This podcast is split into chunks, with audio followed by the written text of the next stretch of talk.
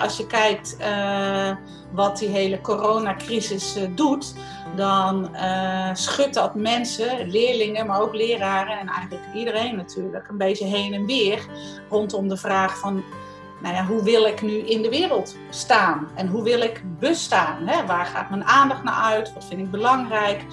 Kan ik in contact blijven? Of ben ik misschien zo gestrest en gespannen dat dat ook ingewikkeld wordt?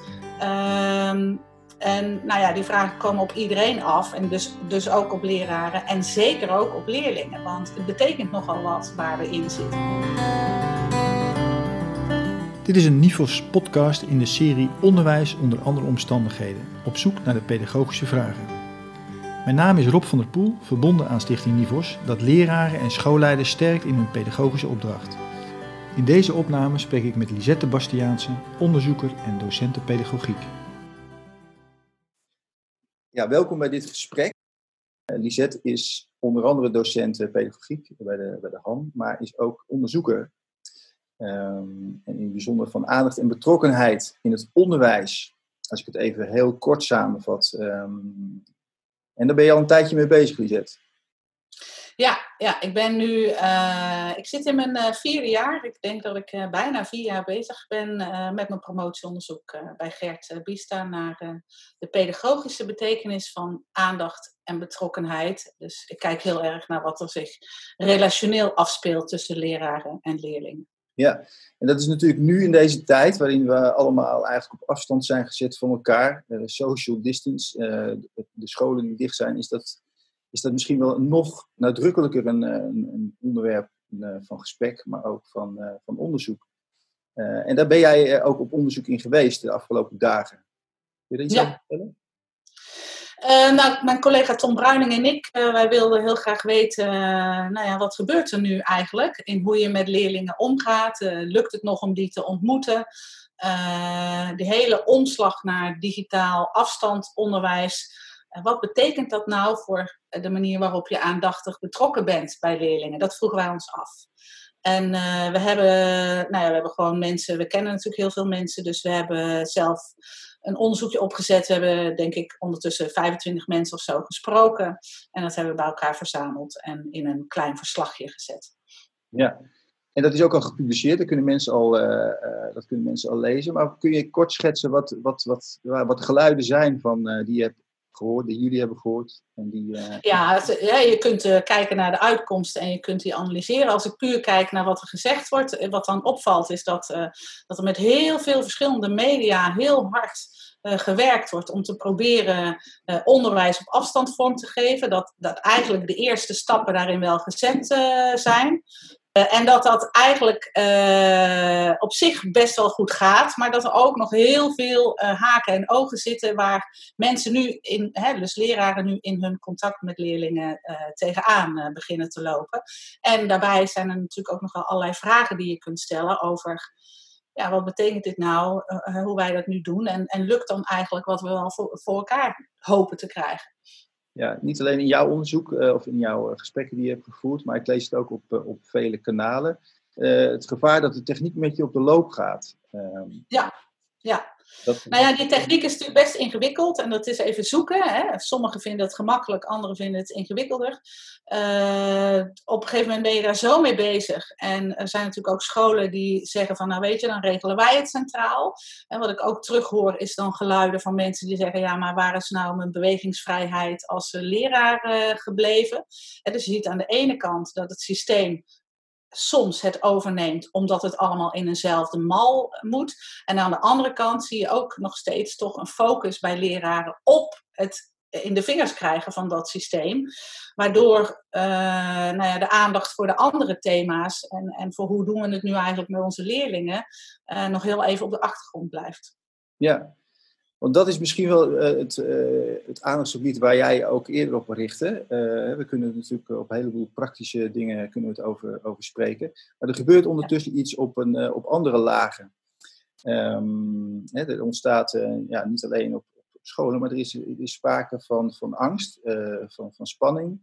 En er worden ja, steeds nadrukkelijke existentiële vragen gesteld. Ja, of in ieder geval spelen er existentiële thema's. Hè? Als je kijkt wat die hele coronacrisis doet, dan schudt dat mensen, leerlingen, maar ook leraren en eigenlijk iedereen natuurlijk, een beetje heen en weer rondom de vraag van nou ja, hoe wil ik nu in de wereld staan? En hoe wil ik bestaan? Hè? Waar gaat mijn aandacht naar uit? Wat vind ik belangrijk? Kan ik in contact blijven? Of ben ik misschien zo gestrest en gespannen dat dat ook uh, ingewikkeld wordt? Ehm, en nou ja, die vragen komen op iedereen af. En dus, dus ook op leraren. En zeker ook op leerlingen. Want het betekent nogal wat waar we in zitten. En wat ik uh, soms een beetje proef, is dat uh, sommige leraren daar heel graag actief ruimte voor willen maken. Hè, om te kijken van, nou ja, waar ben ik nu? Hoe verhoud ik mij tot mijn gezin, tot mijn kinderen, tot mijn werk, uh, tot mijn opa en oma? Uh, en andere mensen die zeggen, nou ja, weet je, ik wil gewoon zorgen dat eerst die lesstof op de rit staat. En daar ben ik keihard in aan het investeren. Want stel je voor dat kinderen achterstand oplopen. Ja, nou is het ook zo, is een uh, pedagogisch principe zou ik bijna willen zeggen, dat je in een, in een onveilig klimaat of in, met angst, onder angst, dat er eigenlijk uh, ja, weinig geleerd wordt of weinig ontwikkeld kan worden. Ja, nou, nou wil ik niet zeggen dat alle kinderen angst hebben en ook niet dat alle leraren angst hebben. Uh, maar het kan niet anders dan dat zo'n omslag ook spanning met zich meebrengt. En uh, om, om te kunnen leren, of in ieder geval om les te kunnen ontvangen en ook om echt les te kunnen geven, heb je ook een soort van ontmoeting nodig met die leerling. Uh, en ik zeg dan op mijn beurt, ja, dan is het ook belangrijk dat je jezelf durft te ontmoeten en eh, durft ervaren waar sta ik en hoe sta ik erin. Uh, want als, als er muurtjes zitten, ja, dan kun je heel veel stof overdragen, maar dan is de vraag hoeveel ervan beklijft. Ja. Dus als je die, die grotere vraag probeert te beantwoorden, hè, wat is er gaande nu? we zitten er nog relatief kort in, zeggen we nog ook allemaal tegen elkaar. Uh, kun je daar al uh, licht op werpen? Zou jij daar licht op kunnen werpen vanuit die existentiële kant van ons, uh, van ons mens zijn? En ook in, in, relatie tot het onderwijs wat we, wat we hebben gegeven en wat we nu geven en wat we, ja, waar we misschien naartoe gaan. Ja, nou ja, ik denk dat het, uh, ik hoop ook dat het naast uh, uh, heel veel moeilijke dingen hè, in mensen, hun privéleven, met hun ouders en weet ik het wat, dat het ook heel veel kansen meebrengt. Maar wat het in ieder geval zal doen, is denk ik de manier waarop wij elkaar kunnen en willen en mogen ontmoeten. En daar zit ook een, gewoon een hele basale behoefte onder. Hè?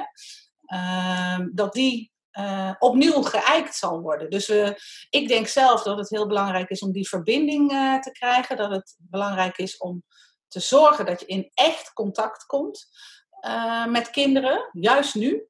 Ehm, en ik zou ervoor willen pleiten om, om daar met elkaar naar op zoek te gaan naar hoe doe je dat? Stel nu dat deze situatie gewoon hè, nog een aantal maanden langer gaat duren.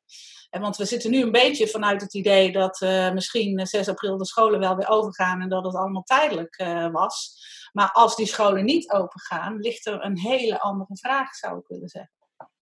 Ja, ja hoe gaan we uh, ja, met elkaar verder? Hoe, hoe, verhoud, hoe, hoe, willen we ons tot elkaar verhouden? Dat is eigenlijk ja. een, wat, je, wat je nu benadrukt. En welke plek neemt de lesstof daarin in? Hè? Ja. En hoe zorg je dat die lesstof die uiteindelijk als doel heeft om een leerling zijn eigen leven te leren laten leiden, zou ik willen zeggen. Hoe zorg je dat dat op de goede manier uh, een plek krijgt in dat digitale systeem? En ik denk dat het veel ingewikkelder is dan alleen maar zeggen, nou wat we nu mondeling voor de klas doen of deden, dat doen we nu even digitaal, filmpje erbij, uh, klaar is Kees. Ja. Hè, dat, uh, zo worden er bijvoorbeeld dingen gezegd over vertrouwen. Ik sprak een aantal leraren en die zeiden, ja, het komt nu echt aan op vertrouwen. Uh, nou ja, dat is een thema wat denk ik boven komt drijven. Uh, hoe kunnen we hoop geven in uh, deze tijd? Dat is ook een thema wat boven komt drijven. En natuurlijk ook welke lesstof ga je aanbieden. Maar kijk daar met elkaar, zou ik willen zeggen, geduldig naar. Het gaat nu niet over, in mijn beleving in ieder geval niet. Hè, voor de eindexamenkandidaat ligt dat misschien anders. Maar het gaat nu niet over zo snel mogelijk zorgen dat al het huiswerk af is. Ja. Um, ik denk dat we eerst die andere lijn, die, die lijn van dat met elkaar doen, opnieuw op orde moeten zien te krijgen. Het is ook echt de tijd om stil te staan bij deze vragen, maar ook met elkaar kijken wat er eigenlijk is en wat er nodig is. Nou ja, goed, ik zou zeggen, uh, ik zou gaan voor work in progress. Dus uh, de, de basis staat nu op de rit. En dat is super. En dus iedereen, hè, ik sprak gisteren nog een juf die zei, ik kan gewoon vloggen. Dat heb ik nooit gekund en nu kan ik het wel. Nou, dat, dat kunnen we nu allemaal. Is super snel geleerd. Dus de basis is op orde en neem nu even de tijd om met elkaar te kijken van en wat gaan we nou doen. Uh, en ik anticipeer misschien een beetje op het idee dat 6 april de scholen dicht blijven. Ik denk dat ze nog langer dicht blijven. Dus misschien is nu de tijd om heel eventjes stil te staan en met elkaar te herijken van oké, wat zijn we aan het doen? Waar doen we het voor? Hoe vinden we elkaar? Hoe vinden we elkaar als team? Ik zie ook scholen die dat heel goed doen, die heel erg goed samenwerken. Maar ik hoor ook leraren die zeggen, ik zit het hier gewoon allemaal in mijn eentje uit te vinden en ik heb eigenlijk helemaal geen idee. Ik heb mijn directeur nog niet gesproken en iedereen is druk en onderweg. Dus uh, ik denk dat je elkaar ook vooral heel hard nodig hebt nu. Ja. Je refereerde ook uh, voor dit gesprek even aan een artikel wat je las uh, in de Volkskrant met André ja. Kuipers. Ja, ja. Wat, wat een superpedagoog. Een superpedagoog. Pedagoog. Wat vertelde André, wat, wat deelde die? nou, hij, hij is. wat zei je? Ik zeg, wat deelde hij wat uh, in jouw ogen ook heel belangrijk is? Ja, hij, ik heb er een berichtje over op LinkedIn gezet. Hij, hij, er is aan hem gevraagd, hoe doe je dat nou? Als je in isolement zit, hoe zorg je nou goed voor jezelf en voor elkaar? En hij zegt, ik, ik, pak het er even bij, hij zegt, je moet zorgen dat angsten en stress, als dat er is, bespreekbaar is. Smeet een hecht team. Uh, leer werkelijk luisteren en zit niet alleen maar te wachten totdat jij jouw ding kunt inbrengen in het gesprek van die ander. Hè? Dus dat vraagt een andere kwaliteit van luisteren. Hou contact, koester de natuur, schrijf op wat je meemaakt. Hè? Dat is ook misschien een idee voor scholen, dat ze aan de slag gaan met uh, dagboekjes of nou ja, whatever, chats uh, waar kinderen iets in kunnen doen. Uh, en zorg voor voldoende ontspanning en beweging. En die laatste vind ik zelf ook nog wel belangrijk. Enerzijds die ontspanning, ook in de lessen, tabellen zou ik willen zeggen, maar ook de beweging. Als ik kijk naar mijn zoon, die volgt op een gymnasiumonderwijs, die zit de hele dag achter zijn computer met zijn benen omhoog en zijn oortjes in te luisteren naar de les. Dat is voor niemand gezond. Niet voor de leraar en ook niet voor de leerling. Ik hoor ook van leraren dat ze veel minder bewegen. En ze krijgen er heel, meer stress bij, want uh, leerlingen blijven tot s'avonds laat mailen en berichten en appen. Dus neem de tijd. Zorg, bouw rust in. Uh, momentjes om aanwezig te zijn. En zorg ook dat je lichaam uh, de aandacht krijgt die het nodig heeft. Ja. We zijn als nooit tevoren iets aan het ontdekken met elkaar, heb ik het idee. Ja. En jij met name vanuit jouw al, al, al lopende onderzoek.